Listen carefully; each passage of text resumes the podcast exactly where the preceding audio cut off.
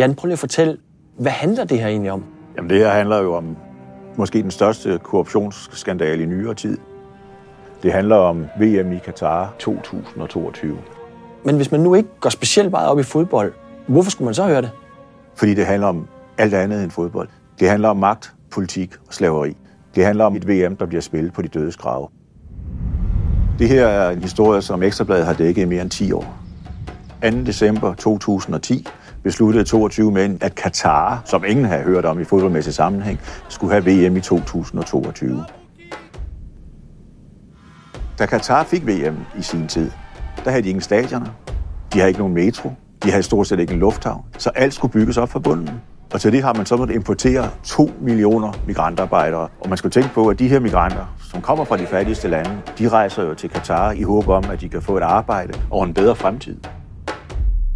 Men fremtiden så pludselig helt anderledes ud. Det der besøgt den her lejr, der ligger over bag ved mig. Det var jo interneringslejre for migrantarbejdere, som mindede om noget, vi så under 2. verdenskrig.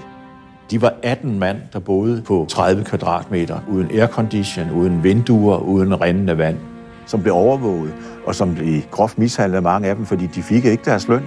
Mange af dem havde ikke mad, og vi ved, tusindvis af dem er døde. Så det besluttede jeg mig en gang for alle, at den her historie, den skal følges til ende.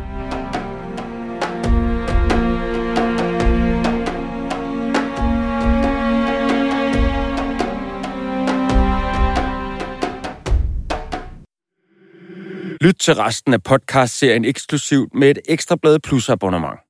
Med det får du også adgang til et hav af andre fede podcasts.